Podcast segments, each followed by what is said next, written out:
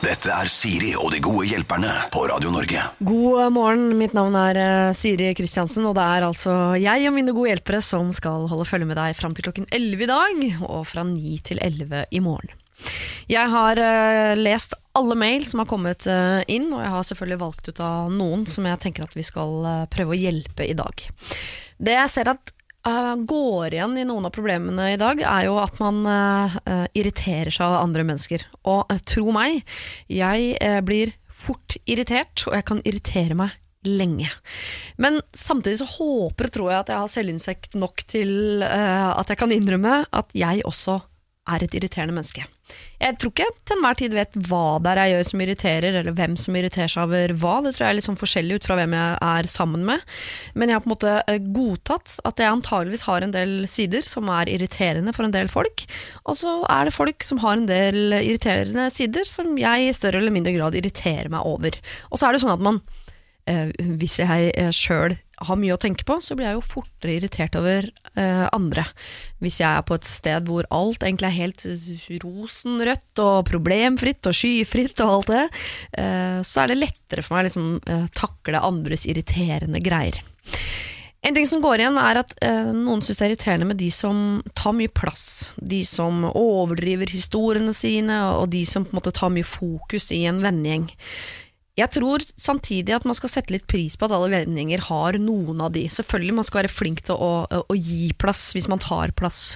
Men jeg tror du ville ha savna det òg, hvis på en måte de som vanligvis tar mye plass, plutselig ikke gjør det. Jeg snakket med en eh, kollega av meg for noen år siden som jeg synes sa noe smart som jeg aldri har tenkt på sjøl. At de som på en måte stikker hodet sitt fram og som enhver tid tar det sosiale ansvaret det er, å fortelle enda en historie, sette i gang enda en prat, dele enda en ting fra livet sitt osv. Ta, liksom, ta masse plass. Istedenfor å irritere seg over det, så burde man gi de litt slack innimellom også. For det, det å ta masse sosialt ansvar er jo en risiko. Det vil si at hvis du ofte tar sosialt ansvar, så må du få lov til å feile oftere også. Hvis du derimot bare måte sitter i bakgrunnen, er en eh, lytter eller er mer en passiv en måte, del i den vennegjengen, som sitter og hører på og er til stede, men ikke tar så mye plass, så vil du jo ikke feile så mange ganger heller. Så jeg syns at ja, det kan være irriterende at folk tar mye plass, og de burde være flinkere til å gi andre plass. Og selv om folk er uenige om hvem sitt ansvar det er, skal man ta eller skal man gi? Ehm, men jeg syns vi skal være litt rause med de som ofte tar sosialt ansvar, og tenke at når du så ofte gjør det, så må du i hvert fall oftere enn oss som ikke gjør det, få lov til å plumpe uti, si noe dumt, gå for langt, tråkke over streken og de tingene der. Så det syns jeg kan være godt å ta med seg. Men øh, å irritere seg, det tror jeg ikke vi klarer å slutte med helt noen gang. Eh, Det blir spennende å høre om dagens, eh, eller helgens gode hjelpere har noen gode tips til oss som irriterer oss over andre. Det er altså da eh, økonom Silje Sandmæl og politiker Audun Lysbakken som skal være med meg denne helgen. Har du ikke sendt inn problem, så gjør gjerne det. Adressen er sirialfakrøllradionorge.no. Siri og de gode hjelperne. Lørdag og søndag fra 09.00 på Radio Norge. Mitt navn er Siri Kristiansen, og det er jeg som leder Siri og de gode hjelperne hver eneste lørdag og søndag her på Radio Norge. Og denne helgen så har jeg fått med meg eh, SV-leder Audun Lysbakken og hele Norges eh, husøkonom Silje Sandmæl. Er husøkonom et uh, ord som er lov å bruke, Silje, eller er det Nå hørtes jeg veldig gammel ut. Jeg har blitt husøkonom, da. Eller er sånn, det ble jeg første året på økonomiskolen. Jeg har gått forbi det greiene der. Ja, det var en ny tittel. Ja. Ja, jeg pleier å kalle meg selv eh, forbrukerøkonom men, eh, og programleder. Ja. Så husøkonom, nei, jeg tar ikke med meg den videre. Men det er hyggelig, det, altså. Ja. Ja. Det kan hende jeg tar det med meg videre, men jeg skal se om jeg klarer å omstille. Jeg er ikke så god på å omstille meg. Jeg er blitt for gammel. Eh, Men du er jo overalt om dagen, eh, Silje, fordi du har et program på TV3. Og så reiser, det virker som du har dobbelt så mange timer i døgnet som alle andre mennesker. Jeg hører og ser deg overalt. Og da blir jeg nysgjerrig på om du har du noe fritid og familie og sånn? Hva driver, altså Nei, jeg har jo ikke det. jo da. Jeg har jo tre barn, Ja. eh, gift. Så det er nok å styre med. Men eh, akkurat denne tiden her så har mannen min virkelig steppa opp og tatt masse ansvar. Ja. Og så har jeg moren min som også stiller opp. Ja. Så akkurat nå har det blitt eh, lite søvn. Gleder meg til vinterferien. Da, blir det, da skal jeg sette meg selv på lading. ja. Eh, prøve å gjøre ingenting. Det er jeg ikke så veldig god på, men jeg skal Nei, prøve. ikke helt for meg at du kommer til å gjøre heller. Men det blir deilig med den uka som kommer nå, med vinterferie. Eh, ja, jeg må hjem en liten tur, da, for jeg skal på senkveld faktisk på, på fredag. Ja. Så det blir gøy. Audun Lysbakken, syns du det er irriterende at uh, vi i underholdningsbransjen uh, er mer synlige enn dere politikere? Enn dere gjør jo sånn sett en viktigere jobb som burde synes mer. Nei, altså jeg er, eh, Av og til kan politikk være underholdning òg, da. Uh, har jo vært det mye siste året, kanskje. Ja. Men nei, generelt så, så er, er jeg glad for det. Jeg liker å bli underholdt, jeg òg. Ja. Ja. Så du setter pris på at vi driver beinfly rundt og Jeg stiller opp på ting? Ja, jeg setter pris på det. Har du noe fritid? Og familie og Det har jeg. Jeg har uh, tre barn, jeg òg. jeg har uh, en eh, stesønn på 18, så har jeg en eh, datter på 8 en sønn på 7. Mm. Eh, og så har jeg en hund som jeg driver og flyr litt rundt med. Mm. Ja. Ja. Så fritida går med på å lufte Blant annet, alle dyra. altså, Tobente og firbente. ja. Det, ja, ja, ja. Så jeg har, jeg har eh, to verv her i livet. Jeg leder i SV, og så er jeg trener for et sånn um, gutter 2012-lag i fotball. Ja, så det er mine to, to prosjekter. Er du så god i fotball at du kan trene andre i fotball også? Um, nei, men uh, foreldrene må jo trå til. Eh, så foreløpig så går det bra. Har du noen sånne verv, Silje, som du må ta? Altså, Jeg bare tenker, altså, jeg, jeg var lagleder en stund for uh, han eldste sønnen min på 13. Eh, Jeg har jo spilt håndball hele livet. Så i pausen når jeg da skulle mm, motivere gutta, og, og jeg er veldig Altså jeg har et konkurranseinstinkt som eh, kan bli sånn til grader farlig noen ganger. Så jeg begynte å snakke strategi, og ja, så må du ta den og den finta, og så må du ta det og det trekket, og de sto der og bare Hun skjønner ingenting, Silje. Hun skjønner ingenting. Så den lagleder Nei, det, det var en kort karriere for min del. Du ble ikke utvist noen gang, eh, eller fikk noe røde kort eller noe sånt fra sidelinja? Det var ikke langt unna. Som spiller har jeg fått eh, ganske mange røde kort, det har jeg. Ja. Mm. Sjøl står jeg i kiosken i Slalåmbakken i Son og presser vafler. Det er det jeg har å, å bidra med sånn, uh, på det området der. De har spurt også kan du passe på skieisen. Nei. det kan jeg ikke. Det er vaflene som skaper for inntektene, ikke? Det Jo, jo. jobb, En veldig Ja. viktig, veldig viktig jobb. Er dere gode på å gi råd, tenker dere? Det er det vi skal, liksom.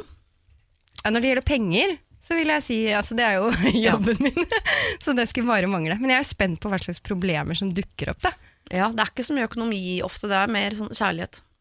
Oi, Ja, Eller forhold. Forhold til foreldre, barn, øh, venner, ja, ja. kjæreste, eks, utroskap.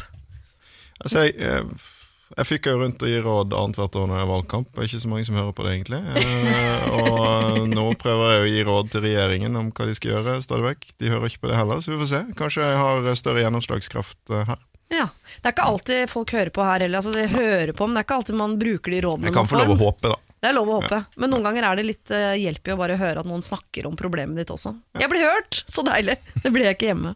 Jeg tror det er godt for mange.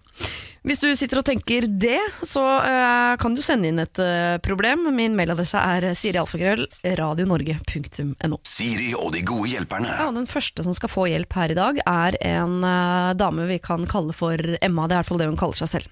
Hun skriver Jeg og samboeren min, dere kan kalle han Mike, har et utrolig skjevt eh, fordeling når det gjelder husarbeid. Jeg ønsker at det skal være ryddig og pent, i det minste hver gang vi legger oss, slik at vi kan våkne til en ren og ryddig leilighet. Han er mer av typen som vasker opp stekepanna når han skal bruke den igjen. Jeg vasker klær, skifter på senga, handler mat, rydder, vasker støvsuger. Det eneste han er relativt flink til, er å lage mat, og det gjør han ca. to ganger i uka. Da skal det sies at det er jeg som har planlagt maten, handla inn, og det er jeg som rydder etterpå. Jeg har prøvd alt. Jeg har slutta å vaske, jeg har slutta å rydde, jeg har eksplodert i ukontrollert sinne, jeg har invitert til familieråd, jeg har prøvd å innføre lister som viser hvilke dager han skal gjøre hva, jeg har prøvd å rose når han er flink, og jeg har prøvd å kjefte når han ikke rydder. Vi krangler over dette uendelige ganger, og nå er jeg altså så lei. Men vi har det så fint ellers, så det er ikke noe alternativ å gjøre slutt heller, selv om jeg gjorde slutt med eksen av akkurat dette. Nå har jeg, eh, når jeg begynte å date Mike, så forsikret han meg om at han var en ryddig type, og nå føler jeg meg lurt. Fordi han la ut om hvor mye han rydda til andre folk i leiligheten, og hvordan han vaska badet til stadighet. Det må jo ha vært løgn, han er jo et stort barn. Vi er 26 og 28 år gamle, vi har ingen barn eller dyr, vært sammen i tre år, eh, og jeg lurer da på hvordan jeg kan få samboeren min til å vokse opp og rydde etter seg. Hilsen Emma. Dette tror jeg er et ganske vanlig problem, selv om ikke jeg vet om verken Audun eller Silje kjenner seg igjen i det, men hva kan Emma gjøre? Det var, hun, hun har en veldig lang liste over alt hun hadde prøvd allerede. Ja. Så liksom, eh, alle de umiddelbare ideene var jo på den listen. Det var et problem. Ja. Um, Ja. Men det er jo noe med, altså i et forhold så, så henger man seg ofte opp i det man selv gjør. Og jeg gjør det, jeg gjør det, og så ser man ikke helt hva den andre gjør. Det kan jo hende, det sa hun jo ingenting om, da, at han kanskje er flink til å, jeg vet ikke, gjøre noe. Men, eh, men så det gjelder å, å se litt hva jo han, hva jo jeg, og så Ja. komme til en slags Altså, jeg har fått eh, eh, noen ganger, altså, Vi i vennegjengen snakker jo om dette hele tiden, for man føler at man gjør alt. Men så plutselig begynte jeg å tenke ja, men mannen min kjører jo alltid til trening og gjør jo alltid det og det og det. og det og det og det. Så det å sette opp hva gjør du, hva gjør jeg, og så samme egentlig hva det er. Bare Ja. at det føles til Altså at det skal føre til noe felles godt. At det skal begge gagne begge to. Og så kanskje man ser at ja, han gjør litt allikevel. Eller så, altså Det virker som hun har prøvd alt mulig annet, da. så det går jo ikke an å, å tvinge han. Det er jo egentlig neste skritt å ikke irritere seg over de sokkene som sikkert ligger omkring, eller skapdørene som står åpne, eller, Ja, er eller hva det det må, måtte være. Er ikke det lettere å endre at hun endrer sin irritasjon, enn å skulle endre han til å slutte å være irriterende? på en måte? Jo, men det er det, da. Det er det skrittet du må ta. Du må Ja. slutte å irritere deg, hvis ikke det blir gjort noe med. Hvis ikke så går du på veggen, rett og slett. Ja. Og hva, altså? Det er ikke så Da må du se de positive, da. Positive sidene fremfor de negative. Er, de, er, de, er vektskålen mer på det positive, så er jo kanskje ikke de negative så ille allikevel. Nei. Hva tror du, Audun? Altså, jeg tror, det å leve sammen er jo kompromiss, da. Det er jo det. sant? Man må liksom, eh, Og det, det tror jeg det er fordi Men eh, det er rart, liksom, en begynner, og så eh, blir en kanskje eh, litt likere hverandre. Man må liksom eh, og det der er jo en veldig klassisk ting, tror jeg. Den ene ønsker mer ryddighet enn den andre, og så må kanskje liksom man bevege seg litt, da. Uh, men det er jo en Kan være en stor belastning hvis det føles urettferdig.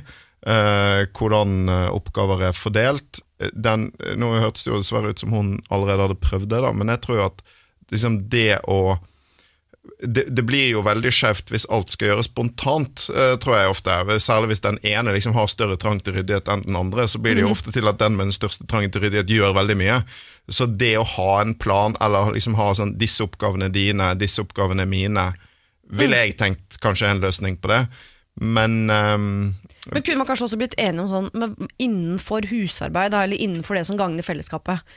Hvilke oppgaver liker du best, liksom? For er det sånn, kan- vi ha sånn at jeg stort sett handler, men du stort sett vasker opp? Eller, ikke sant? For Hvis det skal være sånn Nettopp. at alle skal gjøre alt, så kan det bare koke bort. Hvis det er sånn, Nettopp. dette er dine det er det jeg mener. ansvar. Fordi at Hvis du da har det sånn at ok, uh, matlaging, det er din greie. Ja. Det er ofte lettere å forholde seg til. Og sånn, Her fungerer vi jo ulikt òg. Noen har jo sånn behov tror jeg, for å som har definerte oppgaver, og da er det lettere å få det gjort òg. Ja. Ja, men man må jo bli enige om det, selvfølgelig. Men man blir jo irritert for Min mann lager jo uh, mat, for eksempel. Eh, og nå gjør han mye mer enn meg ellers også, sånn støvsuging og, og uh, klesvask og sånn. Men når han lager mat, så blir jeg irritert fordi han rydder opp Rydder opp etterpå om bare sånn 75% Det står alltid igjen en kjele eller en panne. Det blir aldri 100% ryddig etterpå. Og da, er det jeg, da må jeg inn og finpusse de siste 25 Det er så irriterende hvorfor han ikke kan gå helt i mål. Da blir Ja, jeg vet, da sånn blir jeg sånn det hjemme. Det var flisespikker i Siri. Men jeg, tenk, ja, jeg tenker jo at det kanskje er rart at dette rådet kommer fra meg, men eh, det som kan også løse mange av de tingene, fordi det å rydde og vaske, altså det er jo noe som egentlig ingen kanskje syns er så veldig gøy, men det må gjøres, Ja. er jo rett og slett å få seg en vaskehjelp. Altså Ja. det er eh, Det koster penger, men det kan være verdt det. Det er faktisk det eneste, det er det eneste som ikke står på den lista hun har skremt inn her over ting de har prøvd. Så er faktisk ikke det et av, uh, Det har en av tingene mange, de har prøvd. det har redda mange forhold, Ja. for å si det sånn. Det høres ut som vi syns at dere skal prøve det, Emma, hvis dere har på en måte eh, økonomiske muligheter til det. At noen kan komme og vaske hos dere. Og så virker det som om istedenfor at dere skal gjøre alt litt hver, at dere kan finne noen eh, områder. Dette gjør du, og dette gjør du. Og så må du også, eh, tror jeg, istedenfor å oppdra han, prøve å finne positive ting av han, og samtidig slutte å irritere deg over de tingene han faktisk ikke får til. Hvis ikke så kommer du til, som Silje sier, å gå på veggen, og da, vips, så er Mike også en eks. Siri og de gode hjelperne. Send oss en e-post på siri at radionorge.no. Vi skal til eh, en som kanskje ikke har så veldig sultent hjerte, men mer et hjerte som eh, blør og blør og blør. Han Klarer ikke å slutte å være lei seg. Og det er en mann jeg har valgt å kalle for eh, Karsten. Han er 31 år gammel, og han sier at han har verdens beste kone, men som dessverre for noen uker siden fortalte han en hemmelighet som hun har båret på under hele forholdet, som har knust han fullstendig. Han klarer ikke å tenke på noe annet. Dagens gode hjelpere er Audun Lysbakken og Silje Sandmæl, og det dere skal hjelpe Karsten med her, er altså følgende. Samme dag som vi bestemte oss for at vi skulle gå fra å date til å bli et par, hadde hun hatt sex med en kollega eh, der hun jobbet den gangen, som hun også har hatt et forhold til fra før, eh, altså før vi begynte å date. Hun hadde sovet hos meg natt til denne dagen, dratt på jobb, og så hadde dette da skjedd i lunsjpausen, og så kom hun hjem til meg på kvelden, og vi ble kjærester. Men hun fortalte meg ingenting om det som hadde skjedd. Hun sier hun angrer veldig på det som skjedde, og har lovet at det skjedde bare én gang mens vi datet, og aldri etter at vi ble et par. Hun har også brutt kontakten med den personen etter at hun byttet jobb noen måneder etter at vi ble sammen, og det har jeg valgt å stole på. Problemet mitt er bare at jeg føler ikke at hun tar det seriøst, at jeg blir såret over dette, siden hun kom med unnskyldninger som er så mange år siden, det var ikke utroskap, vi var jo faktisk ikke sammen da det skjedde.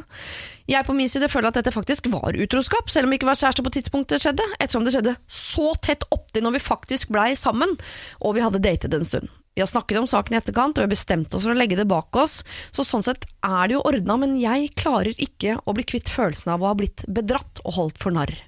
Er det jeg som overdriver fullstendig denne saken når dette sårer meg? Og Beskylder jeg henne for noe jeg ikke kan, eller har jeg rett til å ha disse følelsene? Hva tenker dere om saken? Hilsen såret og forvirret 30 eh, 31-åring. Jeg kaller han Karsten. Kan du forstå følelsene hans, Audun? Ja, altså spør, På spørsmålet om liksom, uh, du har rett til å ha de følelsene du har, så, så er det jo ingen som kan diskutere uh, det. De følelsene er jo der, da. Men, men jeg tenker jo at det viktige her er jo uh, at de tydeligvis har hatt, helt siden de ble sammen, et fantastisk forhold uten at det har skjedd noe sånt. Eh, og det må jo være liksom Det er jo det viktige. Du har en kjæreste du har det bra med. Eh, det har ikke skjedd noen ting sånt etter at dere ble sammen. Da, da gjelder det å holde fast ved det, altså, tenker jeg. Ja. Men allikevel, jeg bare lurer på det han er lei seg for. Er det det at hun på en måte, som han sier, holdt, for, altså holdt ham for narr i alle de årene ved ikke si noe? Eller er det den fysiske akten som skjedde altså bare timer før de ble sammen? Hva tror du er verst, Silje? Nei, det, altså, det er jo vanskelig å sette seg inn i hans uh, følelsesspekter her, men det virker som han er veldig, veldig bitter. Ja. Eh, og så har de jo De har jo sammen blitt enige om å legge det bak seg. Han klarer det ikke. Og det er jo noe med at eh, fortiden får man jo ikke gjort noen ting med. Nei. Man får, gjort det, altså, man får gjort noe med det som er akkurat her og nå, og fremtiden vet man heller ikke så veldig mye om. Så det er jo noe med at eh, eh, ja, det er gjort. Om det var galt eller ikke, er det jo ingen som kan uh, si noe på. Men, uh, men eh, for å komme videre, så må han jo legge det bak seg. Han kan jo ikke fortsette å bære nag, for at det går jo bare utover han selv. Og at han graver seg lenger og lenger og lenger og lenger ned.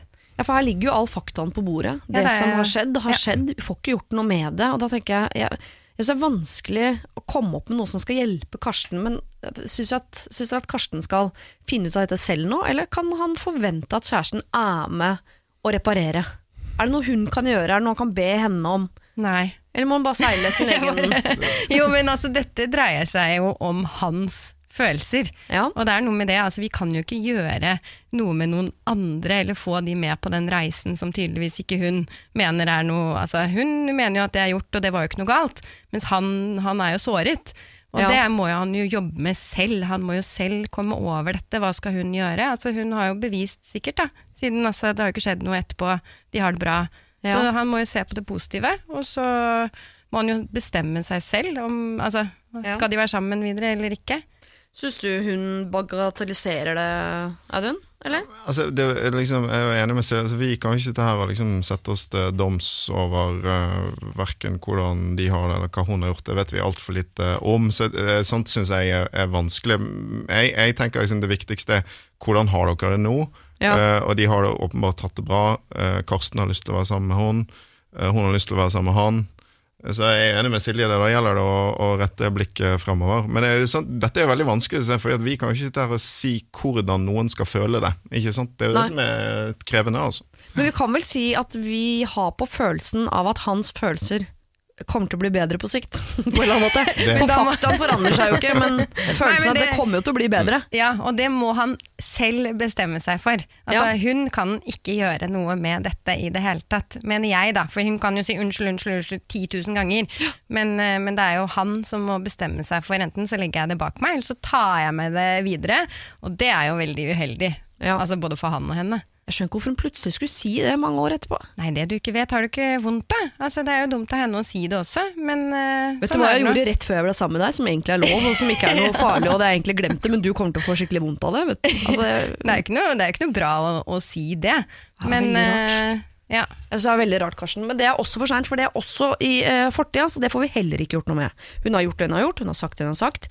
Faktaen er på bordet, nå sitter du igjen med følelsene, og hvordan du skal bli kvitt den følelsen der, det er litt vanskelig for oss å si, men at den kommer til å bli bedre på sikt, det er vi helt sikre på. I hvert fall hvis du klarer, som både Audun og Silje her sier, å fokusere på om dere har det bra nå.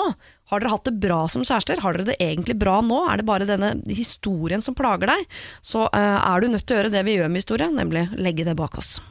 Siri og de gode hjelperne. Radio Norge. Du hører på Siri og De gode hjelperne, som går her på Radio Norge hver eneste lørdag og søndag fra klokken 9 til klokken 11. Vi sender også på Radio 1, og det har vi gjort egentlig lenger enn vi har sendt her på Radio Norge. Og i desember, altså 16. desember, så hadde jeg to gode hjelpere med meg, som den gang da var Ida Fladen og Torbjørn Røe Isaksen. I bunken av problemer vi gikk gjennom, så var det blant annet fra en som eh, følte at den blei stalket nærmest, som bodde i et uh, kollektiv uh, sammen med tre andre, men en av de tre andre som bodde i dette kollektivet, uh, var litt vel påtrengende. Altså, hun skulle alltid være med, kom plutselig inn på rommet, kunne finne på å filme alt hun gjorde.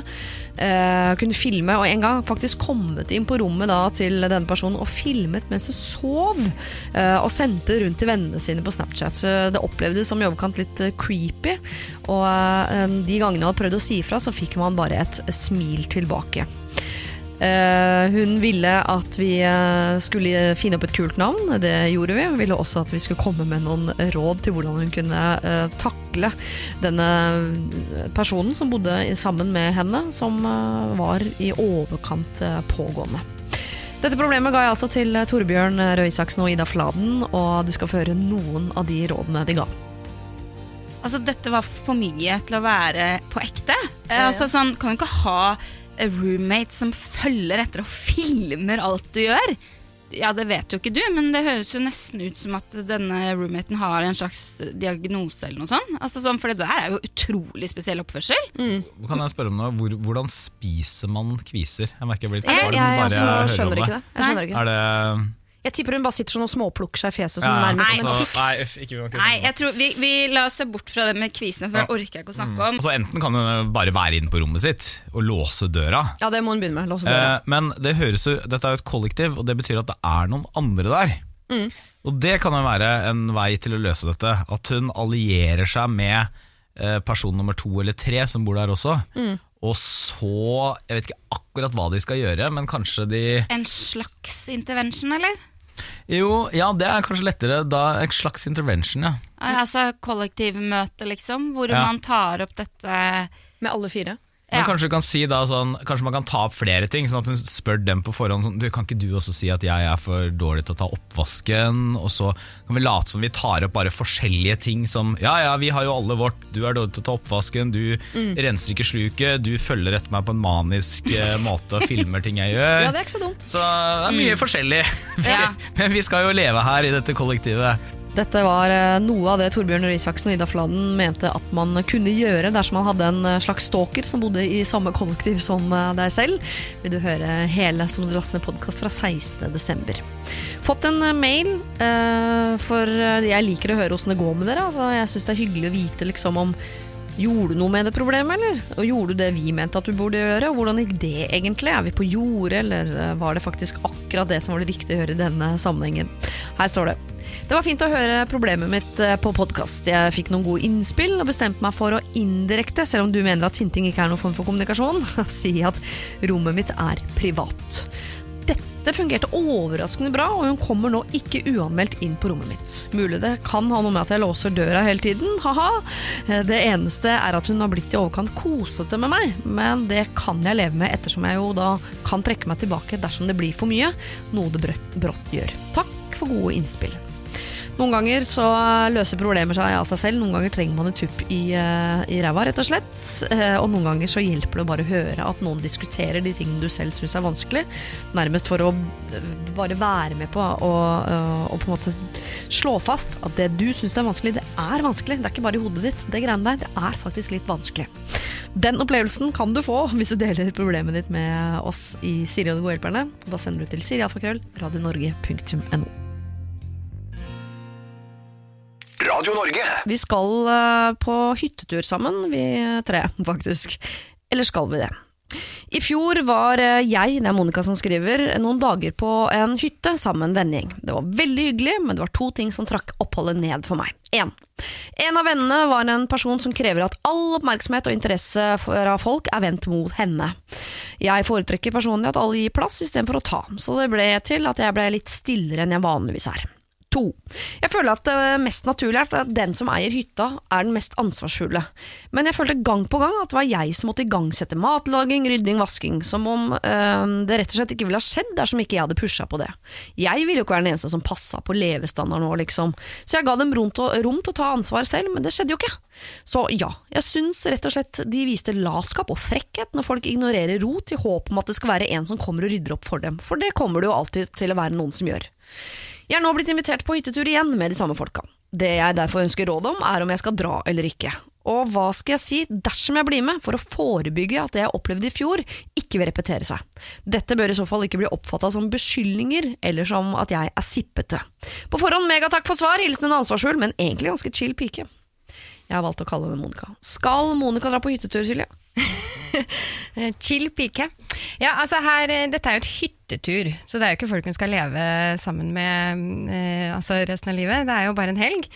Så, så om hun skal dra eller ikke, hvis hun har lyst, så selvfølgelig må hun dra. Men det virker som hun irriterte seg veldig sist, eh, sist gang hun var på hyttetur med de. Ja. Og så tenker jeg, her er det flere ting, da. Det med at hun virker som hun rydder opp etter folk. Det hadde jeg jo ikke giddet gjort på en hyttetur. Da må man jo ta ansvar for sin egen ting. Det er jo ikke hennes hytte engang. Så Nei. det er jo noe du bare rett og slett ikke må bry deg om. Og hvis hun irriterer seg, så må hun bare ikke tenke på det. Dette her er to dager. Det klarer du. Men det er jo noen som ikke klarer å la være. De står og ser på den Nugatti-boksen som har stått der i to timer, og det, bare, det går ikke. Må ta den bort. Nei, altså, eh, hun bør ikke dra. Nei. ja. Ja, men altså, for, altså du, du, drar jo bare på hyttetur hvis du gleder deg til å dra på hyttetur. Det høres ikke ut som hun gleder seg til å dra på hyttetur. Da drar du ikke på hyttetur, tenker jeg. Og det er sant, det, eh, der er liksom, Man må kose seg. Og så er jeg helt enig, Hvis noen tar all plassen rundt bordet, så er ikke det noe gøy. Nei. Da lar du være å sette deg der. Så er enig med, Akkurat når det gjelder det med oppryddingen, og sånn, så tror jeg liksom, altså, når en ikke er på sin egen hytte, så må en klare å la være å, å, å irritere seg over det. Ja. Men om du ikke klarer det eh, altså Det høres jo ikke ut som hun hadde noe gøy sist. Da drar hun ikke inn nå. Nei. Men kan det ikke være Jeg er enig i det. Jeg tenker også at Monica kanskje burde holde seg eh, hjemme. For det kan nok hende at folk også irriterte seg over at Monica skulle gå rundt og rydde hele tida mens alle andre prøvde å ha det hyggelig. Det kan jo også hende. Hun ble jo invitert igjen, da, så de syntes Ja. sikkert det var kjempedeilig. Og det med disse personene som alltid krever oppmerksomhet, det skal vi snakke mer om i løpet av helga. Det er jo irriterende, men da tror jeg ikke du kan gå ut av døra hvis ikke du uh, orker at det er noen mennesker som alltid skal ha oppmerksomheten rundt seg. For de er jo representert med i hvert fall én per vennegjeng i dette landet, tror jeg. Men det jeg lurer på er om kunne det vært en god øvelse for Monica å bli med på den hytteturen for å øve seg på uh, bli en chill pike, som hun påstår at hun egentlig er, som klarer å være på en hyttetur og se at det er ikke akkurat den levestandarden som jeg har hjemme, der Nugattien blir satt rett i skapet med lokket på etter at den har vært i bruk, liksom. At det kan være fint for henne å øve litt. Nei. men, men jeg tenker, ja, om hun skal være med eller ikke, da, men dette blir jo sånn generelt eh, råd til folk som skal på hyttetur sammen, Ja. så, så mener jo jeg at man må fordele noen oppgaver i forkant. Ja. Altså sånn, ok, da lager du frokost, jeg kan lage middag, Og, og så vasker vi alle hytta når vi, når vi drar. Ja. Så, så det er jo noe med å, å altså Her virker det som om ikke noe var planlagt, og folk satt i sofaen eh, Ja. og ventet på at noen skulle lage middag, og så var det Monica som spratt opp fordi ingen andre gjorde noe.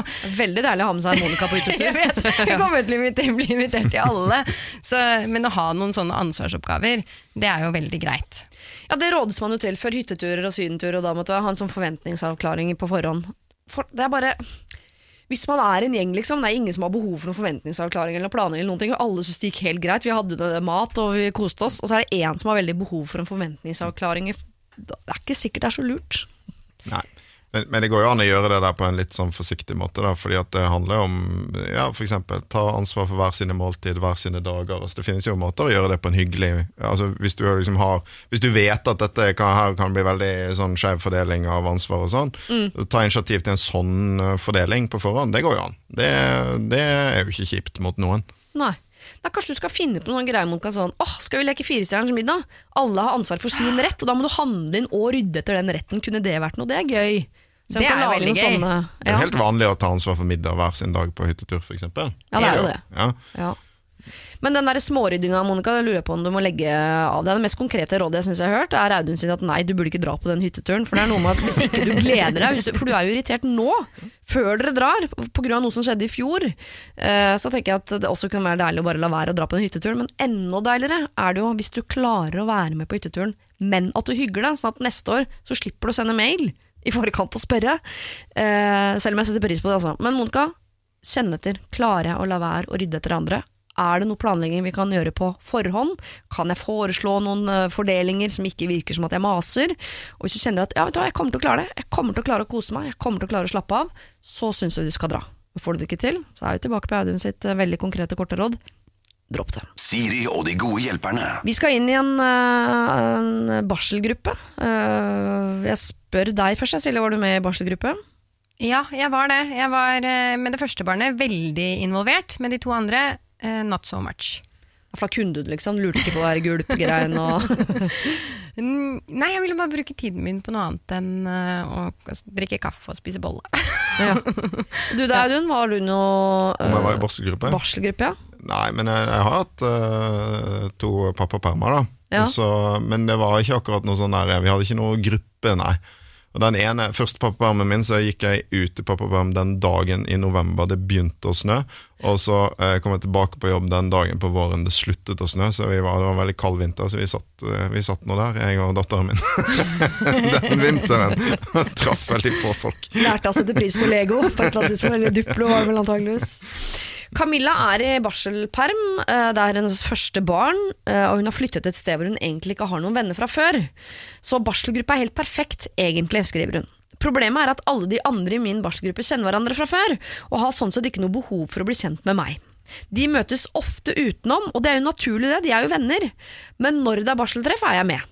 Det kleine er når jeg treffer dem ellers. Da går de sammen som gjeng, jeg går alene. Og da tør jeg ikke å slenge meg med, og de foreslår det jo da heller ikke. Alle er veldig hyggelige, men jeg ønsker jo å komme nærmere, så hvordan får jeg til det? lurer Camilla på. Åh, jeg ser det så for meg at jeg går alene nedover i det snøkaoset med vogn, og så kommer det en gjeng mot meg som koser seg. Fem stykker som gjeng. Og så er det sånn hei, hei, og som bare ruller videre alene nedover gata. Altså, det høres helt forferdelig ut. Hvordan skal Camilla få liksom blitt med i gjengen? Hun må jo involvere seg mer, tenker jeg. Altså, Ja. hun må jo, hvis du har lyst til å bli venner med noen, så, så kan man ikke forvente at andre skal ta initiativet. For det kan jo hende de ikke tenker over at hun har et veldig behov for å bli venner med de. Nei. Så da handler det om å invitere, kanskje spørre skal vi finne på noe, eh, ja, arrangere noe hjemme hos seg selv, eller altså, er jo Utenfor den normale barsel... Uh... ja, ja, selvfølgelig. Ja. Hvis det er noen du liker i den eh, barselgruppen som du har lyst til å bli mer venner med, så er det jo bare å invitere. ja. Det er jo litt sånn som man gjør på barneskolen. Altså, man inviterer jo ikke hele klassen, man inviterer jo Prøver å invitere alle sånn på rundgang, og så er man jo mer sammen med noen enn andre, da. Ja. Så Camilla rett og slett uh, må ta grep sjøl for det, er, og det synes jeg er veldig fint at du sier, for det er jo ikke sånn, det er veldig sjelden man blir venner med folk for å være grei, og hvis ikke de har behovet i utgangspunktet, så er det ikke sikkert de tenker på at du er så mye aleine. Det er ikke sikkert det er vondt ment. Altså, det kan oppfattes litt kjipt da, hvis det er klart hvis alle i barselgruppen unntatt én kommer trillende, og de møter henne, og ingen sier 'hei, bli med', eh, så jeg, skjønner følelsen. Men, men, men dette er jo det klassiske sånn du kommer inn og skal inn i en vennegjeng, f.eks., der alle er veldig sammensveiset. Det er jo tøft, det. Eh, men det gjelder, da tenker jeg du må, ja, holde ut. eh, Gå på alle de her barseltreffene, og så ja, ta initiativ. Kanskje det kan være hun som inviterer til å ta en trilletur neste gang.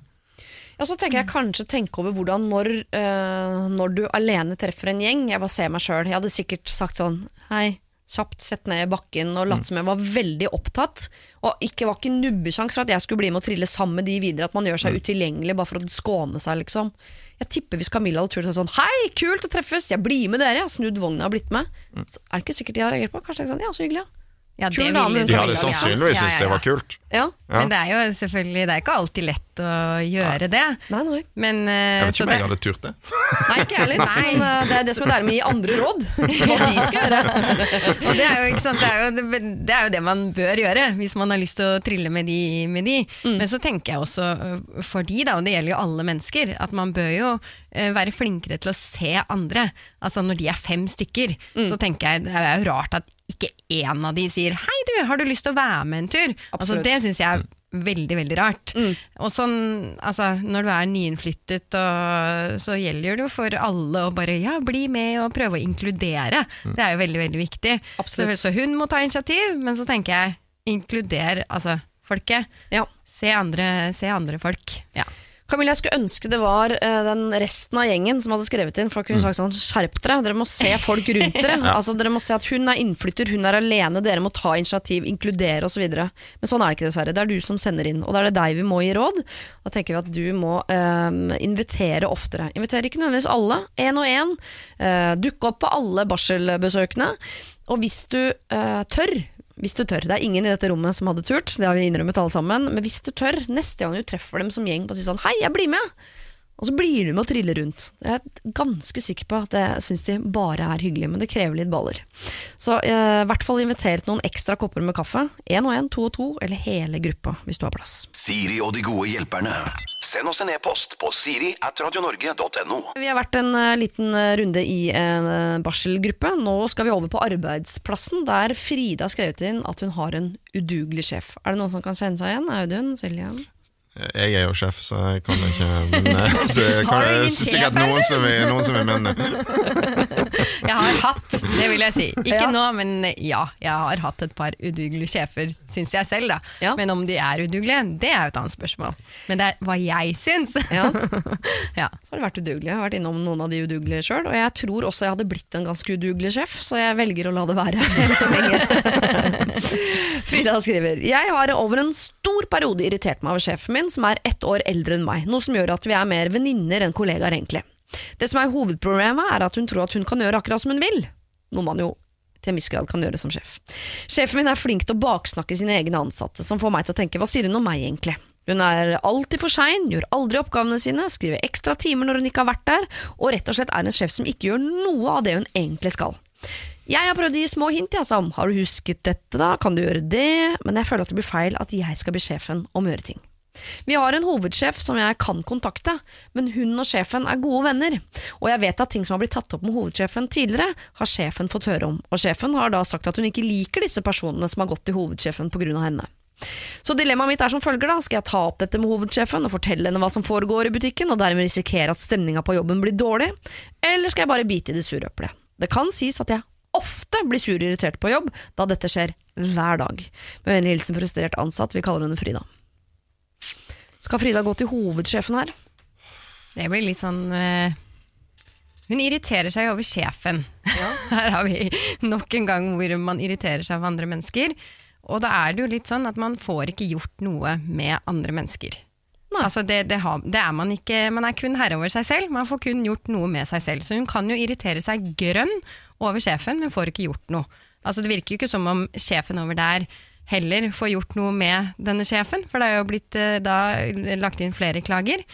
Så da er det jo litt sånn, du må bite i det sure eplet, eller så må du bytte jobb. Men jeg er enig at man ikke får gjort noe med hvordan folk er, men hvis det er folk som har helt konkrete oppgaver som ikke de gjør, så går det vel an å få gjort noe med det. Ja, for jeg, altså, I utgangspunktet, sant? men nå er jo, vi vet jo ikke eh, hvordan dette er. da det, Det er jo alltid et problem Det er jo alltid to sider av, eh, av en sånn historie. Eh, men, eh, men jeg mener det er grådig viktig at det skal være mulig å si fra. eh, også hvis en blir utsatt for dårlig ledelse. Sant? Sånn at eh, Da mener jeg i utgangspunktet det er helt riktig å gå til hovedsjefen og si fra om det. Det er òg viktig at den som er øverste leder, vet om det. Og så skal det jo, jeg mener i utgangspunktet skal det jo ikke være sånn at det liksom er for tette, liksom. Sånn, en sjef som driver og baksnakker og sånn, det, det, skal, det skal ikke være for tette sånne her venneforhold heller mellom liksom, sant? Eh, Sjefen må holde seg til rollen sin. Ja. Men så er det jo sånn at eh, vi har jo, det kommer litt an på hvilken arbeidsplass det er, men den beste måten ofte å si fra på, er jo å bruke de liksom, formelle kanalene som fins. Altså, en utrolig bra ting vi har på mange norske arbeidsplasser, er jo fagforeningen. Ikke sant? Altså, den, det er jo en kanal for å gjøre sånt, så slipper en liksom å, å gjøre det til en sånn individuelt ansvar. Ja. Ja, men det virket litt som om hun irriterte seg mye over hva sjefen gjorde. Altså, eller ikke gjorde. Ja, men sånn baksnakking. Jeg, jeg tenker at det, det kan man jo bare si til folk rett ut. At vet du hva, jeg syns ikke noe om at du snakker altså Jeg vil ikke høre om, høre om det hvis det plager henne. Eh, og, og så var det liksom at hun skrev for mange timer. Altså Det er heller ikke noe med jobben å gjøre. Så det gjelder jo sånn å være Hvis, hvis hun irriterer seg over, eller at sjefen da ikke gjør den jobben hun skal, så er det jo det veldig, veldig konkret. Ja. Men det var mye hun irriterte seg over her, da. Eh, og da gjelder det jo selvfølgelig å ta opp det saklig med sjefen sin først. Ja. Hvis, hvis det er ting som går utover henne og, og hennes oppgaver. Men, eh, men her var det mye, da. Jeg tenker her faktisk at eh, Det er jo deilig å gå til hovedsjefen vanligvis, for da slipper, går man jo litt rundt problemet, og så sier man fra fra, fra toppen. Men det høres jo ikke ut som en god idé her, i og med at de er venninner. Og det pleier, de gangene det har skjedd før, så har det gått ganske dårlig. Men her syns jeg du i større grad skal gå rett til din egen sjef. Hvis man Ja. orker det, da. Gå til sjefen og helt konkret si sånn når ikke du gjør det, så er det jo jeg som gjør det. Når ikke du kommer, så er det jo jeg som Og så peker på liksom Ved at du ikke gjør din jobb, så blir min jobb større og vanskeligere. Er det Det, men det er jo belastning altså det, det er jeg enig i, men belastningen for den enkelte ansatte i å gjøre det kan være ganske stor. Sant? Det er jo derfor en, det er grådig vanskelig å liksom, eh, belage oss på at folk skal orke eller tørre å gjøre det. Ja. Så Derfor er det jo alltid en fordel hvis det er flere ansatte som føler det på samme måten og kunne gjøre noe sammen. Og så tenker jeg at eh, igjen, vi vet jo ikke uh, hvordan uh, virkeligheten er på denne arbeidsplassen, men men, men det er klart at hvis en sjef faktisk driver og baksnakker ansatte det, det er jo veldig dårlig ledelse. Ja, ja. Det er veldig dårlig ledelse, sant? så det, det er verdt å ta opp. Det er grunnen til at jeg ikke blir leder, for eksempel. For det hadde jeg antageligvis gjort. Klarer ikke å holde munn. Nei da. Eh, Frida, eh, skal du gå til hovedsjefen? Det skal man jo egentlig kunne gjøre. Eh, til hovedsjefen eller til fagforeninga, det skal man jo normalt sett kunne gjøre. Jeg skjønner at det er litt vanskeligere her, i og med at hovedsjefen er venn med sjefen. Eh, det du helt konkret kan gjøre, er å prøve å ikke irritere deg over de tingene som egentlig ikke går utover deg. Altså det at hun baksnakker, ikke bli med. Eh, det at hun, kom, eh, hun skriver for mange timer, ja vel, det er dumt, deg, ja. men det har ikke noe med deg å gjøre. Men hvis det er noe som går utover deg helt sånn konkret, så tenker jeg at hvis du tør, så ta det opp med sjefen. Har du en fagforening, så ta det opp med fagforeninga, eller se om dere er flere på arbeidsplassen som kan gå sammen om å varsle til hovedsjefen. Siri og de gode hjelperne. Radio Norge. Siri og de gode hjelperne denne helgen består av eh, SV-leder Audun Lysbakken og Norges eh, forbrukerøkonom Silje Sandmæl. Vi skal straks ta flere problemer. Vi har tatt fem problemer allerede. Men jeg tenkte dere skulle få lov til å øh, bare kose dere litt med dilemma. Det er så deilig noen ganger når man har tatt mange problemer, å ta problemer som også ikke fins. Bare for å gjøre verden enda verre. Eh, så dere skal da få ta tak i eh, problemstillingen eller dilemmaet eh, hvis dere kunne velge mellom å bli 30% penere, smartere eller rikere. Hva hadde dere valgt? 30% smartere, rikere eller penere. Og her kan man jo være smart og tenke Ja. det ene kan føre til det andre osv., men jeg, jeg tror kon Ja ja, nei, altså, jeg er uten tvil det. 30% smartere. Ja. Ja. Bare fordi du har lyst til å bli smartere, for du tenker sånn, for da kommer jeg til å bli rikere. Og- Og da kan jeg bli penere òg! da kan jeg endelig rule i TP. 30 smartere. Ja, det absolutt. Det kunne jeg tenkt meg. Ja.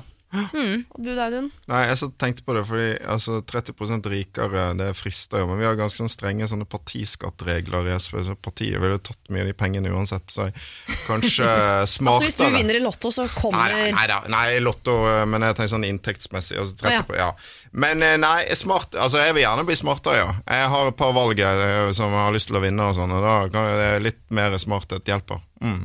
Du tror ikke det er utseende? Du kunne ikke blitt uh, Vunnet bare på utseendet. hvis Ja. Ja, nei, um, Sånn som Jens? Nei da. Du mener han vant bare på utseendet? Prøv bare å lage drama. Prøv bare å lage Jeg jo syns Audun er kjekk nok fra før, altså. Ja, er Å, det det var fint sagt. går Nei, jeg går for, jeg går for uh, smarthet, ja. ja. Ja. Mm.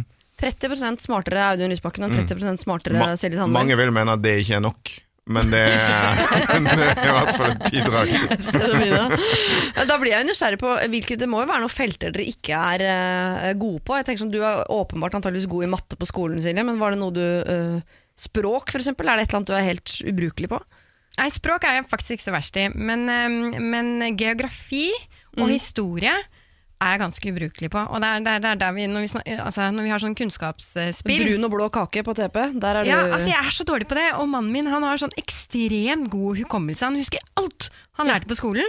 Og jeg var sånn, jeg pugget i prøver, og så, og så husket jeg det, og gjorde det bra på skolen. Men så glemte jeg det etterpå. Ja. Og det er sånne ting som ikke Det har bare ikke festa seg! Så jeg skulle virkelig ønske Altså Nå hører jeg jo barna mine i lekser, og det kommer tilbake. Så man kan jo lese seg opp for å bli smartere, men hvis jeg bare slipper det, og bare få kunnskapen plotta inn i hodet, åh, det hadde vært deilig.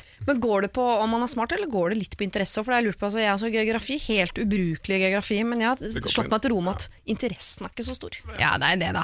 Ja, men, nei, men Det tror jeg er fordi at jeg har sånn, eh, sånn som mange har det, tror jeg, sånn god i noen sånne TP-kategorier. Sånn Historie, geografi, det husker jeg, men sånn naturfag sånn, jeg husker ingenting. Eh, Det tror jeg er fordi jeg eh, går på interesse. Men jeg kunne godt tenke meg å ha de 30 skulle jeg bruke på å få mer sånn klisterhjerne på detaljer. Fordi du er sånn Erna Solberg hun er sånn bare leser inn sakspapirer. Jeg har inntrykk av. Husker alt. Mens jeg husker, jeg husker veldig ofte ikke detaljene, liksom.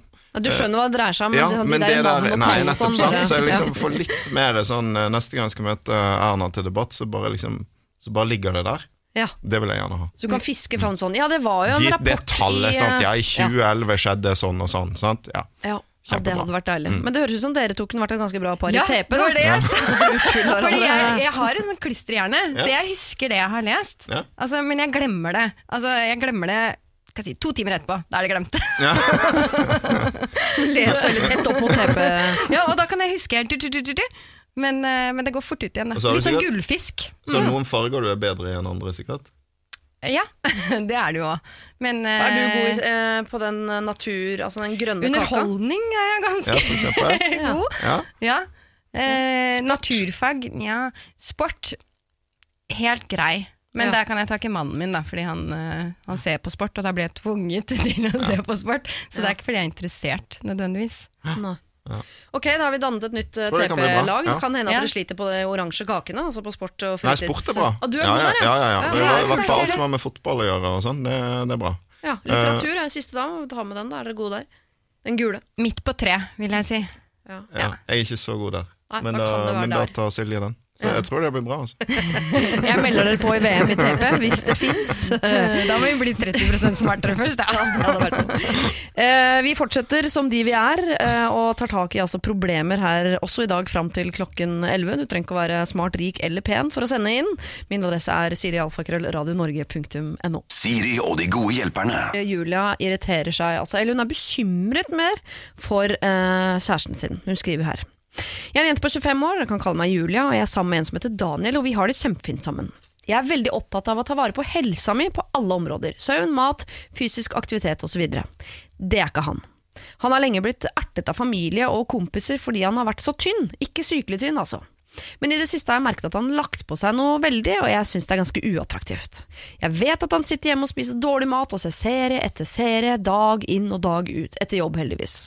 Og han skryter av at han har lagt på seg til meg, og til alle andre som har ertet ham for at han har vært så tynn bestandig.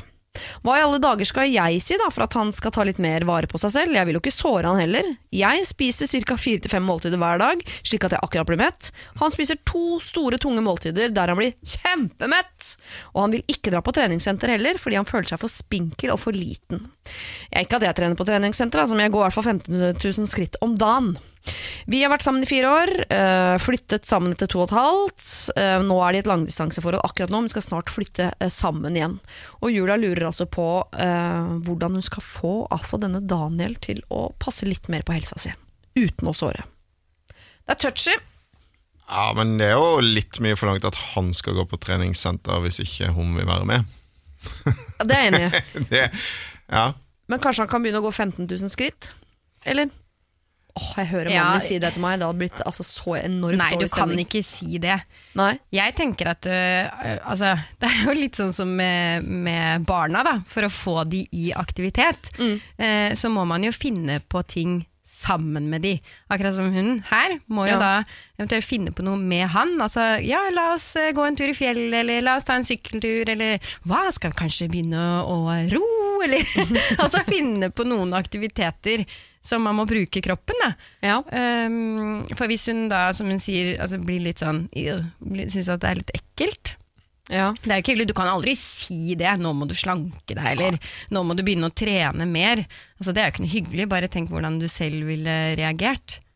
Ja, jeg hadde blitt helt knust, men jeg vet Ja, at det er mange ville- forhold hvor den ene, øh, hvis man forandrer seg, da, så er det den ene tenker kanskje det om den andre, men ingen tør å si noe. Jeg tror det er mye av det. Altså, jeg tenker sånn, eh, La Daniel være Daniel. Og så det kan det godt hende at ting går seg til over tid. For det som veldig ofte skjer i et forhold, er jo at man begynner å ligne mer og mer på hverandre. på en måte, Og møtes kanskje et godt sted på midten, forhåpentligvis. da. Eh, Og det handler jo kanskje ofte om det der å gjøre ting sammen. og sånn. Eh, et tips skal jo være at menn liker ofte konkurranser. da. Ja. Ja, det så er sant! lag en konkurranse om hvem som kan gå flest skritt i løpet av dagen, istedenfor liksom å melde han inn på sats, liksom. Ja. Eh, Som jeg syns høres litt urimelig ut. Ja. Så et eller annet sånt. Det kan være gøy. Eller si sånn, vi sparer til Barcelona-tur, så for hvert skritt jeg tar, må du betale meg en krone. For hvert skritt du tar, så må jeg betale deg en krone. Og, så ser vi et, og når vi har 10 000 kroner, så drar vi til Barcelona. Ja, eller at man melder seg på noe sammen. Altså, Ja. For det, det er jo riktig som Audun sier, hvis man har et mål i andre enden, hvis man melder seg på et eller annet løp, da. Ja. Ja, Nordmarkaløpet eller Skarverennet, eller altså, avhengig av hva man liker å gjøre. Ja. Triatlon, da har man kanskje dratt, dratt det litt langt, men, men at man melder seg på noe, for da blir man jo motivert til å trene. Og så har man jo også sånne apper. Som altså Endomondo, for eksempel, hvor man kan legge inn konkurranser. Ja. Så, så det er jo mye man kan gjøre der, men ikke Altså, gjør noe koselig, tenker jeg. Ja. La det være gøy, og ikke masete. Ja, Og så blir det jo lettere også når de flytter sammen. Nå er, akkurat nå er det et langdistanseforhold, de skal snart flytte sammen igjen. Så akkurat nå er det vanskelig å sånn, piske han per telefon. Sånn, du skal ikke gå ut og løpe litt, da. Det skal jeg. Altså, Ja, men du kan ikke, du kan Nei, ikke det, det, det går ikke. Altså, vi må gjøre ting sammen. Altså, jeg var ikke så veldig altså, Ikke i god form når jeg uh, møtte uh, hun som i dag er min kone. Uh, og jeg tror liksom Hvis hun bare liksom hadde sendt meg av gårde på et eller annet hun ikke skulle være. Det hadde ikke funket. Men etter hvert så liksom jeg ble trigget til å være med. Hun, hun er fortsatt i veldig mye bedre form enn meg. Altså. Hun ble liksom dradd litt med. Det er jo det hun må få til, tror jeg. Ja. Da blir det jo det, Men det må komme fra han sjøl. At man blir motivert av å se at partner til stadighet skal ut og gjøre et eller annet aktivt. da blir det litt sånn Jeg bare blir her og ser på Netflix, jeg. Nei, men, men bare få han med på noe som er gøy. Altså, Skap en interesse sammen. Det er jo det som er altså, Det er hyggelig å gjøre ting sammen også. Altså, Klatresenter, eller man må jo bare finne ut av det. Man må prøve litt forskjellige, forskjellige ting. Ja. Nå har vi nevnt mange ting. Eh, klatring, endemondo, eh, roing og i det hele tatt eh, ganske mange ting. Og også det at så fort dere flytter sammen, så er det ofte sånn at man blir hverandre likere. Man kan bli på en måte motivert av å se at den andre trener osv. Det kan være litt minefelt.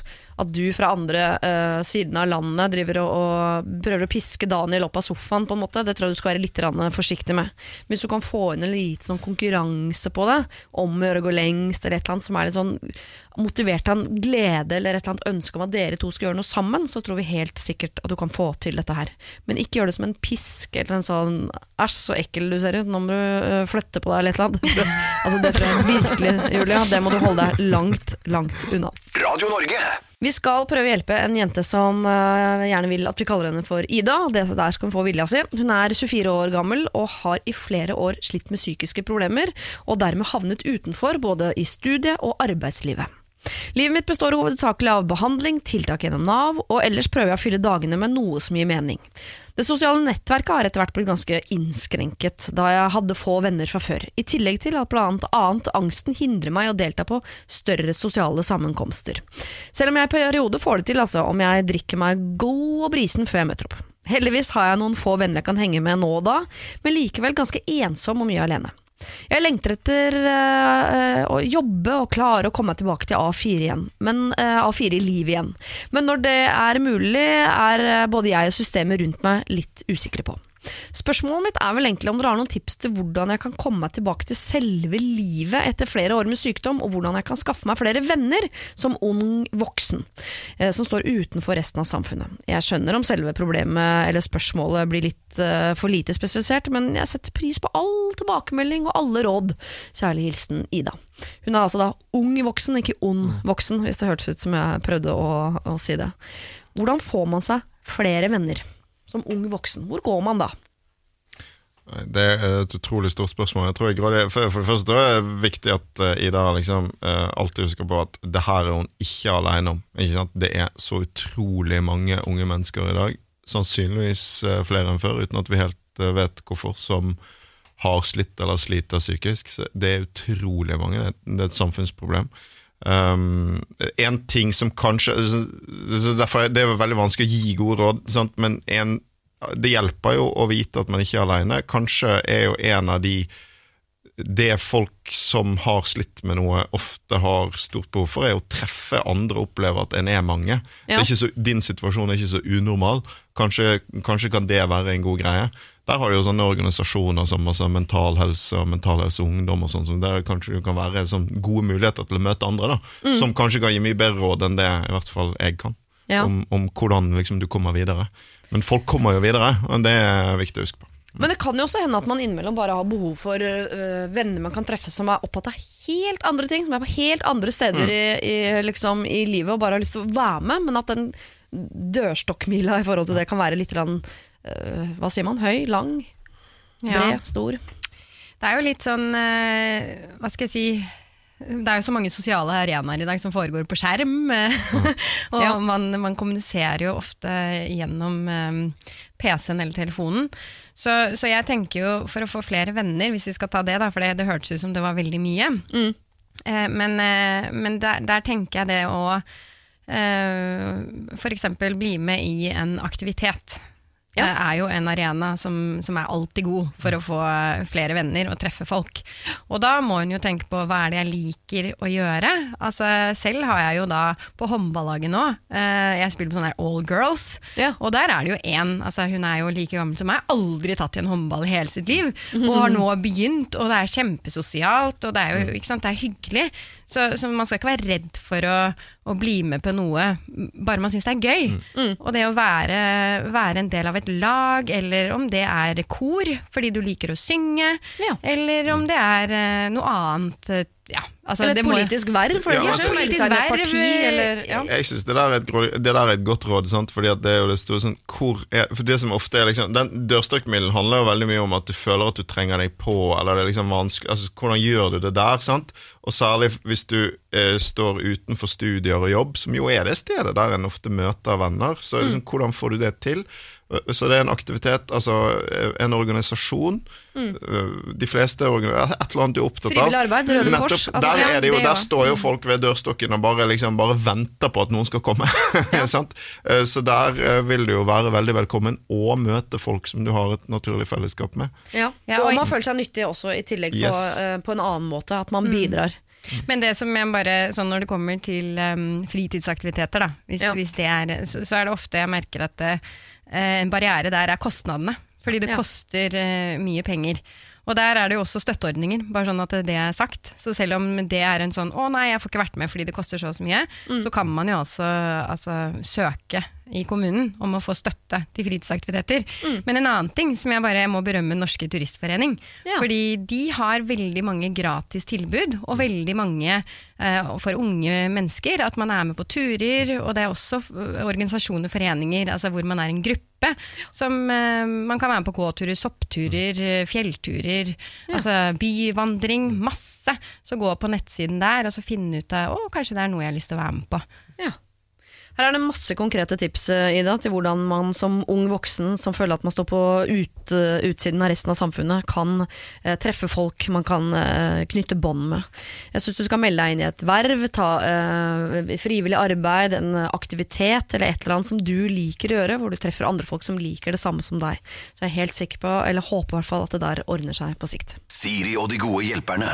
Send oss en e-post på siri at radionorge.no. Både i går lørdag og i dag søndag så har jeg to gode hjelpere ved min side.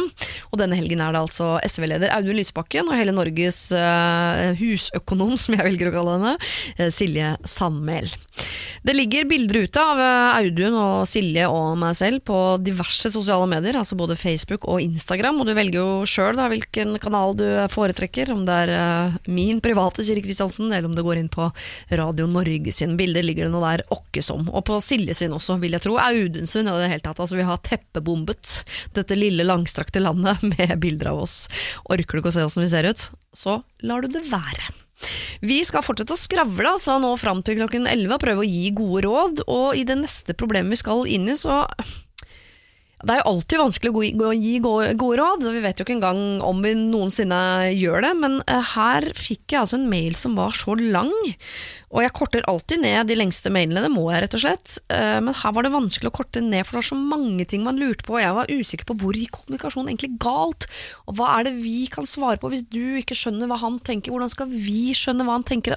Altså det var et sammensurium av små, nærmest uløselige problemer rundt en nyhet som egentlig var hyggelig. Jeg har prøvd så godt jeg kan å korte ned en mail og dra ut de tingene jeg mener er viktige for at vi i det hele tatt skal klare å hjelpe denne jenta i det hele tatt. Og jeg leser altså fra toppen. Audun og Silje kan eh, altså fram, dere kan ta fram hver deres penn, og så kan dere notere mens jeg leser. Hei. For ca. et år siden ble jeg og min kjære Truls enige om at jeg skulle slutte med prevensjon. For meg betyr det at vi prøver å bli gravid, men Truls hadde ikke samme oppfatning. Etter en stund snakket jeg med min svigermor og min svigerinne, og da nevnte jeg at vi hadde begynt så vidt å prøve. Dette får Truls med seg, og drar meg egentlig inn på teppet og lurer på hvorfor ikke han har fått beskjed om dette. Jeg sa jo at vi hadde snakket om at jeg slutter med prevensjon, og han hadde vært enig i det, og det nektet han heller ikke for. Men etter dette har vi ikke benyttet noen form for prevensjon, og han har heller ikke hatt noe særlig sexlyst. Vi var ikke de mest aktive før heller, men det siste året nå har vi nærmest levd i sølibat.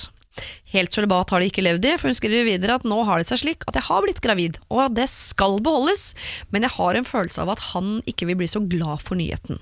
Jeg føler ikke at jeg har ført ham bak lyset eller babytrappet han. Han er en fantastisk onkel til alle sine nevøer og nieser, og han koser seg gløgg når vi passer eller besøker de. Han er den perfekte mannen for meg, og jeg vet at han vil bli en god far. Men hvordan skal jeg fortelle at vi nå er gravide? Jeg vil at alle skal bli så glad for å høre denne nyheten, vår nyhet, og jeg vil ha den reaksjonen jeg forventer. I begynnelsen av forholdet snakket vi mye om hvordan vi så for oss fremtiden vår, og alt var så idyllisk og enstemmig. Jeg har alltid vært klar på at jeg ønsker mitt første barn ca. når jeg er 23, og at det er den perfekte tid til å bli mamma på. Truls syntes det var litt tidlig, med at kanskje 25 var den meste alderen for å bli førstegangsforelder, men nå plutselig mener han at det er når vi er 32, tidligst, at vi er klare for å bli foreldre. Uh, når uh, uh, Nå er tiden inne for at vi bare skal reise og kose oss og tenke på oss selv. Men det hun lurer på altså er hvordan skal hun fortelle at hun, blir, at hun er gravid, til at denne Truls som hun er litt usikker på om i det hele tatt ønsker seg barn på dette tidspunkt. Hjelp! skriver hun på slutten av sin eh, mail. Audun, Silje, dette skal dere få lov til å tenke litt eh, på, eh, gruble litt. Jeg vet at det er en litt vanskelig mail å forstå, men vi skal prøve så godt vi kan å hjelpe til her, altså. Dette er Siri og de gode hjelperne på Radio Norge. Dere, eh, Før denne China in your hands-låta så eh, leste jeg opp et problem eh, som eh, omhandler i stor grad en som heter Truls. Fordi Truls og innsender av eh, problemet her bestemte seg, altså De har vært sammen i mange år, um, og for et år siden så bestemte de seg i fellesskap for å slutte med prevensjon. Og Da tok hun det som et tegn på at da prøver vi vel å bli gravide, er det ikke det vi gjør da? Men idet hun forteller det til noen, at vi driver og prøver å bli gravide, og han hører det, så tar han henne til side og sier sånn Hæ? Har du du snakker om? Hvorfor sier du det? Visste ikke jeg. Og siden det har de jo da nesten ikke ligget sammen, så virker det som han har trukket seg helt på det der barnegreiene. Når han tidlig i forrige snakket om hvor mye han gledet seg til å få barn, han snakker om det en rom i huset deres som barnerom, og sånn er hun veldig sånn Vil han ha barn, eller vil han ikke ha barn? Og på toppen av det hele så har hun klart å bli gravid, og nå gruer hun seg til å fortelle en nyhet som jo egentlig skal være en sånn jippi, vi skal ha baby, og nå gruer hun seg til å fortelle det, for hun er så redd for at han skal reagere eh, på en måte som ikke er sånn som hun ønsker at han skal reagere. Så det hun jo da spør om, er hvordan skal hun fortelle til Truls at hun faktisk er gravid? Er det en måte å gjøre det på liksom, som er bedre enn andre? Jeg tror ikke det er noen um, riktig eller feil måte å fortelle det på. Ja. Og så, så er det jo alltid sånn at vi, vi, vi kanskje gruer oss eller lar være å fortelle noe fordi at vi tenker hva er det den andre tenker om dette her? Men vet du hva? Det aner vi jo ikke. vi vet jo kun hva vi selv tenker. Så, så hva hun får til svar er jo egentlig eh, ikke så viktig, fordi hun må jo bare fortelle at hun er gravid. Hun kan jo ikke gå og bære på den, eh, på den nyheten. Så, så hun må Hun jo må bare jo gå og bære på den nyheten i mange måneder, faktisk. det må hun jo, men ikke liksom hun må si det til han. Ja. Så, så det er jo bare egentlig å, å, å si det. Du, du, du må bare ta mot til deg, og så må du si det. Men skal hun si det da sånn sånn eh, Truls, kom her, sett deg ned, jeg må snakke med deg om noe alvorlig? Eller skal hun en dag komme inn fra jobben ha på en måte bakt kaker og kjøpt ballonger og være sånn Woho! Vet du hva som har skjedd? Jeg tror det er det hun lurer på. Hvordan skal jeg, Ja. hvordan skal jeg bringe det budskapet til han? Når hun ikke vet om mottaker av budskapet blir glad eller ikke. Det er jo flaut å stå der med bløtkaka hvis den andre begynner å grine, liksom. Ja, må man gjøre så stor ståhei? Altså, det er jo bare å si ja, Ok, nå, bagatell, jeg vet jo ikke. Jeg har jo ikke vært i den situasjonen. Vi kjenner jo ikke Truls. Nei, jeg har liksom sittet Det på gjør do tydeligvis ikke hun her heller godt nok, da. Ja, nei, eller Det er jo noe med altså, det er, Jeg jeg vet ikke hvor ung hun var, men, eh, men Midt i 20-åra. Ja, Mm. og de har jo snakket om å få barn. De har jo blitt enige om å slutte med prevensjon. Dette kan jo ikke komme som en overraskelse når man har sluttet på prevensjon, men man bør jo kanskje snakke i forkant om ja, nå skal vi prøve å få barn. Mm. Og det har de tydeligvis kanskje ikke gjort, da. Men Nei. gjort er gjort. Gjort Så nå må hun bare Hun må bare si det. Hun må bare si det. Hvorfor Har vi noen teorier, dette vet vi jo heller ikke, men noen teorier på hvorfor han plutselig kan ha, ha fått litt sånn eh, andre tanker rundt dette her med å få barn? Eller? Er han redd, kanskje? Eller? Det er skummelt å få barn. Man vet jo aldri hva man går til. Eller ja. jeg bør jo ikke være skummelt å få barn. Jeg syns ikke det var skummelt, men eh, jo, litt faktisk. Første barnet, jeg husker jo det. Ja. Og guri land, hvordan blir dette? Men jeg gleder meg jo selvfølgelig. Men Men, men vi, dette vet jo vi ingenting om, men det, det kan jo hende at det hadde med den settingen å liksom fortelle det til andre. Og, altså, det kan jo hende at det var det òg. sånn at det er jo ikke eh, den, den eneste måten å finne ut hva han tenker på, er jo å fortelle det.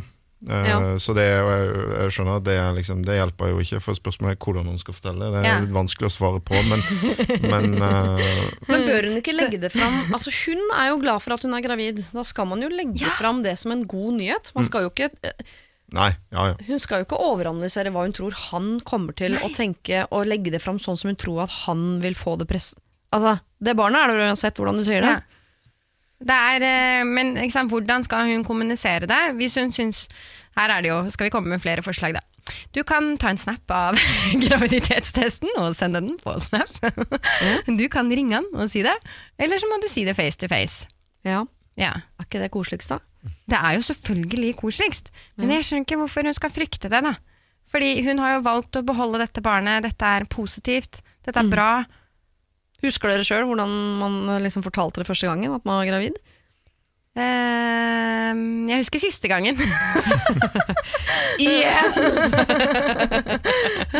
Nei, men det var ikke helt sånn planlagt. Vi er litt uenige om det, men, men det var ikke helt planlagt. Nei. Ja, nei, da hadde jeg tatt graviditetstesten, og så bare ringte jeg. Han var på guttetur, og han bare 'Skal vi ha tre?'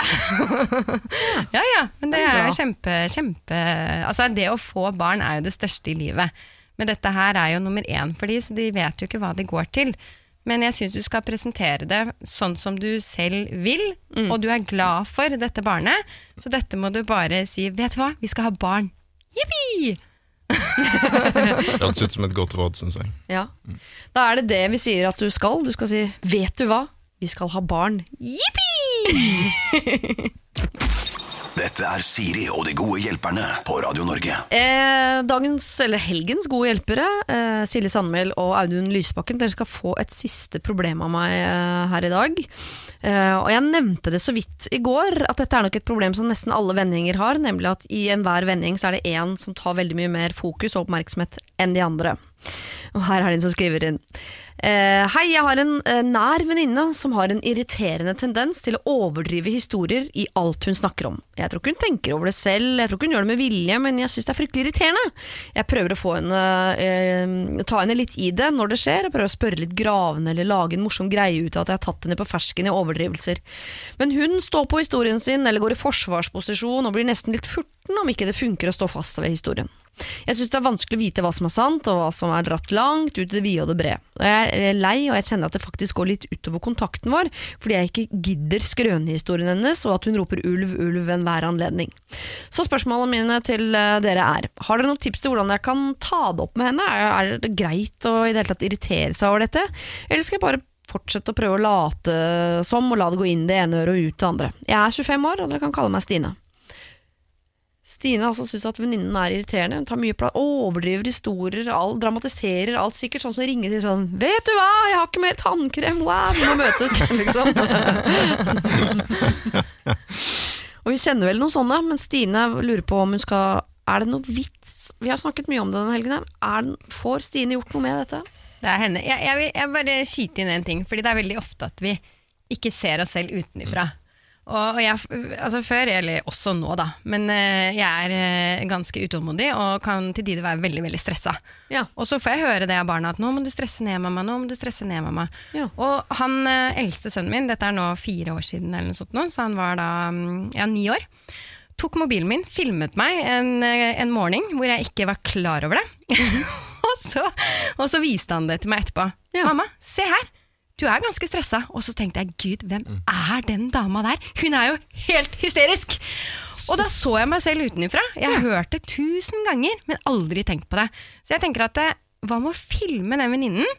Ja. Altså, mens man sitter der og hun, hun tar de skrønehistoriene og sånn og sånn, og sånn. Vise det til henne. Ikke noe sånn, men altså Du, eh, altså, kanskje du tar litt mye plass, eller Jeg vet ikke. Bare for at hun kan se seg selv utenfra. Og hvis ikke det virker, så igjen, du får ikke gjort noe med andre. Det er kun deg selv, og da må du gjøre noe med irritasjonen din, eller ikke være sammen, rett og slett. Smart han sønnen din, kan du ta med deg han neste gang du skal? Ja, men det hjalp meg, for jeg ble mindre Altså, jeg ble veldig sånn Hver gang jeg stressa meg opp, så tenkte jeg Tenk om det er en sånn kamera her nå. Hva ville folk tenkt da?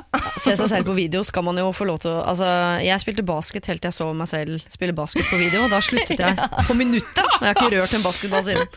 Det kommer litt an på hvor nære venner man er. Sant? Noen har jo noen vennskap der du kan snakke om alt, eh, og der det er liksom dyp tillit, og der det er liksom rom for å si sånn Du, skjerp deg. Um, uh, men, eh, men ellers så skal en jo passe seg, for det går jo an å såre, såre en venn veldig òg, ikke sant? Så, så det skal i hvert fall liksom, det skal i hvert fall være viktig for å ta det opp. Også, og, og, og jeg tenker sånn Dette handler jo om at folk, Det kan jo handle om at folk er forskjellige.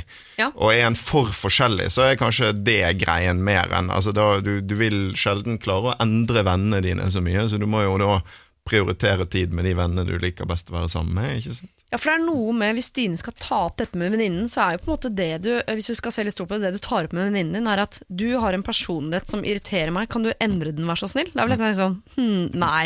Det. Hvis det hadde vært et problem som var sånn dette går utover alle, eller Ja. på, alle på en arbeidsplass eller en hel vending, alle, det er ingen som orker mer, liksom, så hadde jeg skjønt det. Men det er jo et trekk ved henne som Altså, Jeg kjenner noen av disse her, jeg kan være helt enig med Stine at det, det irriterer meg innimellom- at man skal dramatisere absolutt alt. Eh, Jeg kan bli litt passiv i møte med sånne mennesker, for da tenker jeg sånn, da skal i hvert fall ikke jeg dramatisere. Da kan jeg sitte med øks i panna og si sånn Se så lite jeg dramatiserer ting! kan det være noe?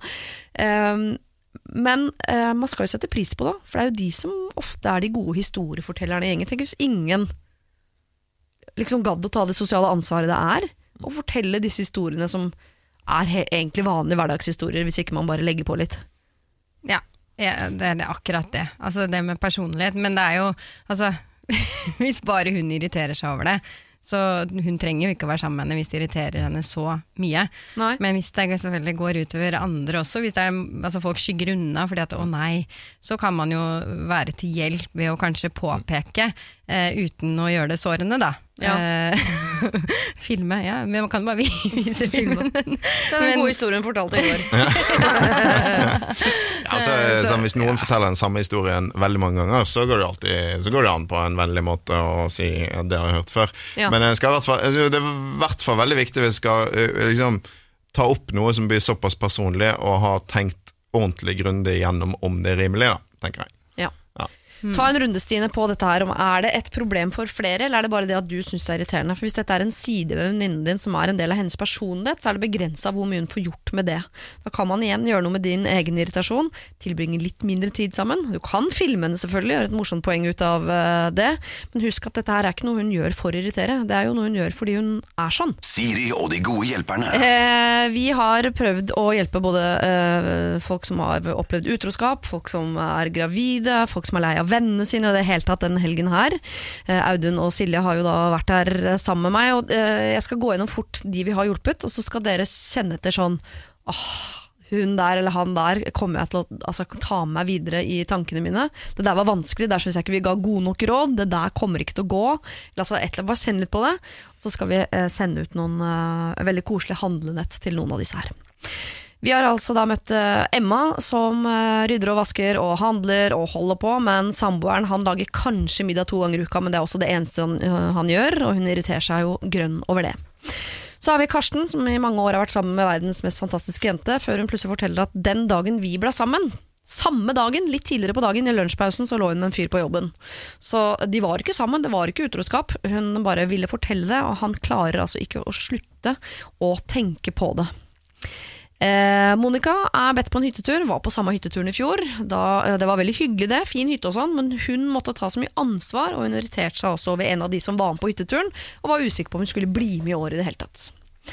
Camilla er i en barselgruppe hvor alle kjenner hverandre godt fra før, bortsett fra Camilla, og hun lurer på hvordan hun i større grad kan bli en naturlig del av denne vennegjengen. Frida har en udugelig sjef, det er vi vel flere som har i landet, eh, vil jeg tro. Eh, men hun eh, er også venninne med sjefen, og sjefen er venninne med sjefen over der igjen. Så hun syns det er vanskelig å få sagt ifra om de tingene hun mener at sjefen ikke gjør, som er hennes oppgaver. Julia har en kjæreste, de bor ikke sammen akkurat nå. Han har alltid vært veldig veldig tynn, men nå driver han og legger på seg. Hun syns ikke det er noe fint at han legger på seg, så hun har lyst til at han skal slutte å legge på seg, faktisk heller bli tynnere igjen. Og lurer på hvordan hun kan få sagt ifra om det.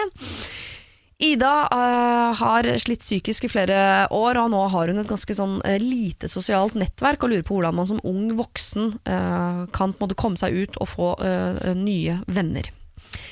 Vi har Truls, da, som jo venter barn. Det vet ikke Truls. Og den gravide lurer på hvordan hun skal fortelle dette til Truls. Hun er ikke helt sikker på om Truls kommer til å bli glad eller ikke. Og til slutt Stine, som har en venninne som overdriver alle historier hun er borti, og hun begynner å bli altså så lei. Er det noe av dere tenker uff, det der? Ida. Ja. Ida som har slitt psykisk. Ja, fordi um, Altså Hvis du spør liksom en som eh, et, et, jeg- jeg kommer til å tenke på og tenke 'håper det går bra', så, for det der er det der eh, Alle de der som liksom kjemper seg fram etter å ha hatt en sånn stritørn, det, det er bare så, så, så viktig, altså. Så jeg, jeg håper veldig at, eh, at eh, Ida klarer det, og hun får, får venner og liksom Ja. Det er vanskelig å få nye venner som voksne uansett. det er det det er, liksom. vet du, og derfor så er det liksom, det var ikke geniale råd vi kunne gi heller. Men eh, no, Vi hadde jo noen råd, eh, men, men, eh, men jeg, jeg håper Jeg syns i hvert fall Ida skal få et handlenett. Ja.